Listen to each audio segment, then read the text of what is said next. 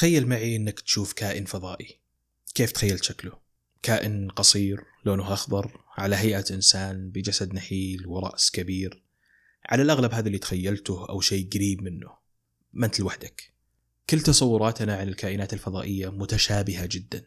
دائما نتخيل هذا الكائن يشبهنا إلى حد ما عنده يدين ورجلين أو يشبه حيوانات أخرى تعيش على الأرض.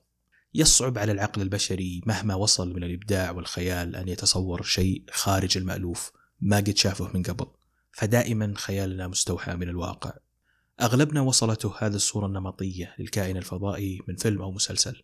في أغلب هذه الأفلام الفضائيين يحاولون يغزون الأرض يقضون على البشرية ويدمرون العالم.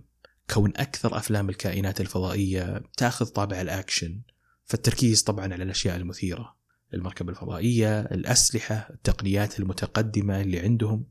Arrival فيلم عن الكائنات الفضائية ولكن مختلف جدا. بعيد عن الكليشيهات اللي تعودنا عليها.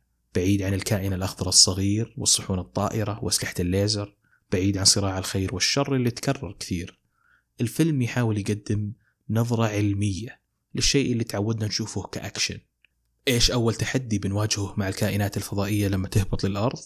أننا نتواصل معاهم نحاول نفهمهم ونكلمهم.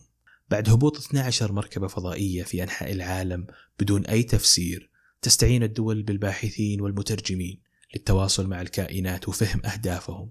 ولكن كيف تتواصل مع كائن من عالم مختلف؟ ما يشاركك بأي شيء. كيف تعلمه لغتك أو تتعلم لغتهم؟ من وين تبدأ؟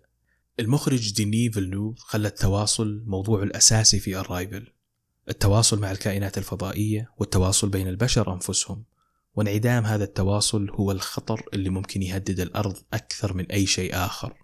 أبدع فيلنوف في الحفاظ على رتم الفيلم لمدة ساعتين بالتنقل بين تعقيد التواصل مع الفضائيين ومحاولة فهم اللغة الصراعات الداخلية بين البشر وسباق الحصول على إجابة وتأثير فهم لغة الفضائيين وإتقانها على العقل البشري. كل هذا محاط بهالة من الغموض قدمت بتصوير سينمائي جميل. الرايفل فيلم خيال علمي بمعنى الكلمة. خيال علمي. اختار أن يقدم موضوع صعب الفهم بعيد عن خيالنا وممل. بشكل ذكي ويحترم المشاهد. تسعة من عشرة.